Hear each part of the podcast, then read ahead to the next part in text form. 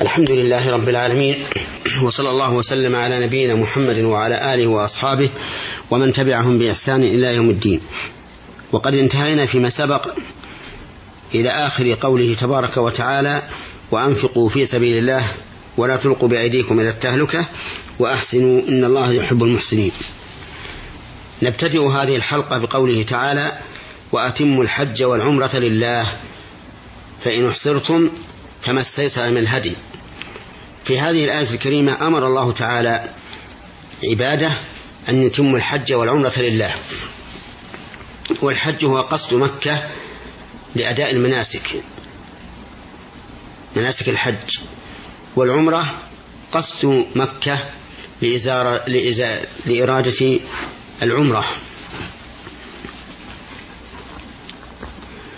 وقوله لله فيه الإشارة إلى الإخلاص لله تبارك وتعالى في هاتين العبادتين. فإن أحصرتم أي منعتم عن الإتمام فما استيسر من الهدي. أي فعليكم ما استيسر من الهدي. ولا تحلقوا رؤوسكم حتى يبلغ الهدي محله.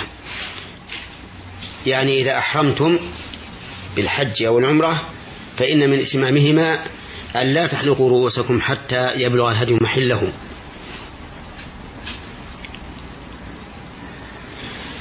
وبلوغ الهدي محله في العمرة أن أن يصلوا إلى البيت. وفي الحج أن يكون عيد الأضحى وهو يوم النحر. فمن كان منكم مريضا أي في حال الإحرام كان منكم مريضا أو به أذى من رأسه وإن لم يكن مرض كالقمل الكثير ونحوه ففدية من صيام أو أو صدقة أو نسك. أي فعليه فدية من صيام أو صدقة أو نسك. والمعنى من كان مريضا أو بهذا من رأسه فحلق رأسه قبل أن يبلغ الهدي محلة فعليه هذه الفدية. على التخيير صيام أو صدقة أو نسك. وقد بين النبي صلى الله عليه وعلى آله وسلم المجمل من الصيام والصدقة فبين أن الصيام صيام ثلاثة أيام وأن الصدقة إطعام ستة مساكين لكل مسكين نصف صاع. وأما النسك فهو ذبح شاة أو ما يقوم مقامها من سبع البقرة أو بدنه فإذا أمنتم أي زال, أي زال عنكم الحصر وأمنتم من الخوف فمن تمتع بالعمرة إلى الحج فما استيسر من الهدي. أي فإذا أمنتم وأتيتم بالعمرة والحج وقدمتم العمرة لتحلوا منها وتتمتعوا بها إلى الحج فما استيسر من الهدي. أي فعليكم ما استيسر من الهدي. فمن لم يجد فصيام ثلاثة أيام بالحج وسبعة إذا رجعتم. فمن لم يجد أي لم يجد الهدي ولا ثمنه. فعليه صيام ثلاثة أيام في الحج أي قبل فراغ الحج وسبعة إذا رجعتم أي إلى أهلكم أو من مناسك الحج. تلك عشرة كاملة.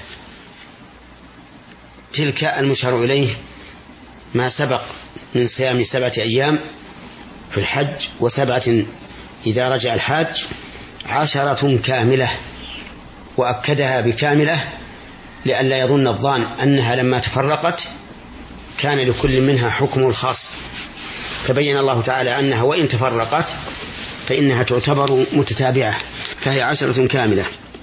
ذلك لمن لم يكن أهله حاضر المسجد الحرام. ذلك أي ما لزم من الهدي أو بدله لمن لم يكن أهله حاضر المسجد الحرام. وهم أهل مكة ومن كان داخل أميال الحرم. والمسجد الحرام هو مسجد الكعبة وحاضره من كان بقربه بأن يكون داخل أميال الحرم. واتقوا الله أي اتخذوا وقاية من عذابه بفعل أوامره واجتناب نواهيه. إن الله شديد العقاب لمن لم يتقه. ومن تقواه تنفيذ ما أمر به في هذه الآية الكريمة. يستفاد من هذه الآية الكريمة من الأحكام وغيرها وجوب إتمام الحج والعمرة. ومن ما يستفاد من هذه الآية الكريمة وجوب الإخلاص لله تعالى في العبادة. لقوله لله. لكن الله تعالى ذكر في, في هذه السورة أنه ليس على الإنسان جناح أن يبتغي فضلا من الله تعالى بطلب الرزق وإن كان حاجا أو معتمرا.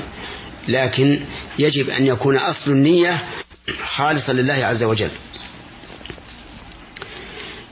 قال العلماء وفي ذكر الأمر بإتمام الحج والعمرة بعد ذكر الإنفاق في سبيل الله إشارة إلى أن الحج والعمرة من الجهاد في سبيل الله. ويؤيد هذا الاستنباط أن عائشة رضي الله عنها قالت يا رسول الله هل على النساء جهاد؟ قال عليهن جهاد لا قتال فيه الحج والعمرة. ومن فوائد الآية الكريمة أن من عجز عن إتمام الحج والعمرة فإنه يتحلل ولكن عليه ما استيسر من الهدي. لقول الله تعالى فإن أحصرتم فما استيسر من الهدي. واختلف العلماء رحمهم الله هل المراد الحصر بالعدو بمعنى إن منعكم عدو من الوصول إلى البيت فأحلوا واذبحوا ما تيسر من الهدي؟ أو المراد الحصر العام أي إن منعتم عن الوصول إلى البيت بأي سبب حتى ولو كان مرضا آه، لا يرجى أن يشفى منه قبل فوات الحج. أو ضياع نفقة أو ضياع عن الرفقة أو ما أشبه ذلك. على قولين في هذه المسألة. فمن العلماء من عمم الإحصار وقال إن الله أطلق فقال فإن احصرتم فيشمل كل ما يمنع إتمام الحج والعمرة من عدو أو غيره كمرض وضياع نفقة ومشقة شديدة لا تحتمل وما أشبه ذلك. ومنهم من قال إنه خاص بحصر العدو فقط لقوله في آخر الآية في أثناء الآية فإذا أمنتم فمن تمتع بالحمر هذه الحج إلى آخره. والذي يظهر والله أعلم وهو ظهور ليس بذاك القوي أن الآية عامة. أن الآية عامة في أي حصر كان. وأن ذكر حكم يختص ببعض أفراد العام لا يقتضي تخصيص العام بذلك. ونظيره قوله تعالى والمطلقات يتربصن بأنفسهن ثلاثة قروء ولا يحل لهن أن يكتمن ما خلق الله في أرحامهن إن كن يؤمن بالله واليوم الآخر وبعولتهن أحق بردهن في ذلك إن أرادوا إصلاحا. فإن الآية أول فإن أول الآية عام. يشمل المطلقات على وجه البينونة والمطلقات على وجه الرجعية. وآخرها في قول وهو قول نعم وأثناؤها وهو قوله وبعولتهن أحق بردهن يقتضي أن المراد بالمطلقات اللاتي له اللاتي لزوجهن الرجعة عليهن. ومع ذلك فإننا نقول إن الآية عامة. في من طلقت طلاقا بائنا في من طلقت طلاقا رجعيا. فتكون هذه الآية مثل مثلها. أي أن الإحصار عام سواء كان بعدو أو بغيره. ومن فوائد هذه الآية وأحكامها أن من أحصر وجب عليه الهدي. وجب عليه الهدي لقوله فما استيسر من الهدي.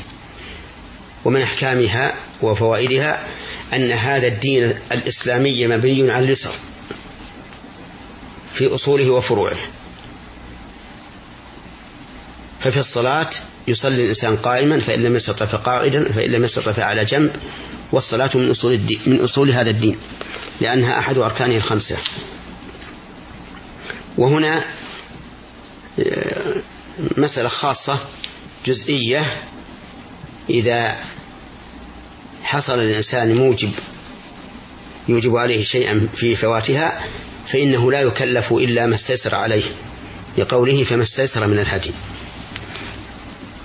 ويأتي إن شاء الله بقية الفوائد والأحكام المستنبطة من هذه الآية الكريمة فإلى حلقة قادمة. والسلام عليكم ورحمة الله وبركاته.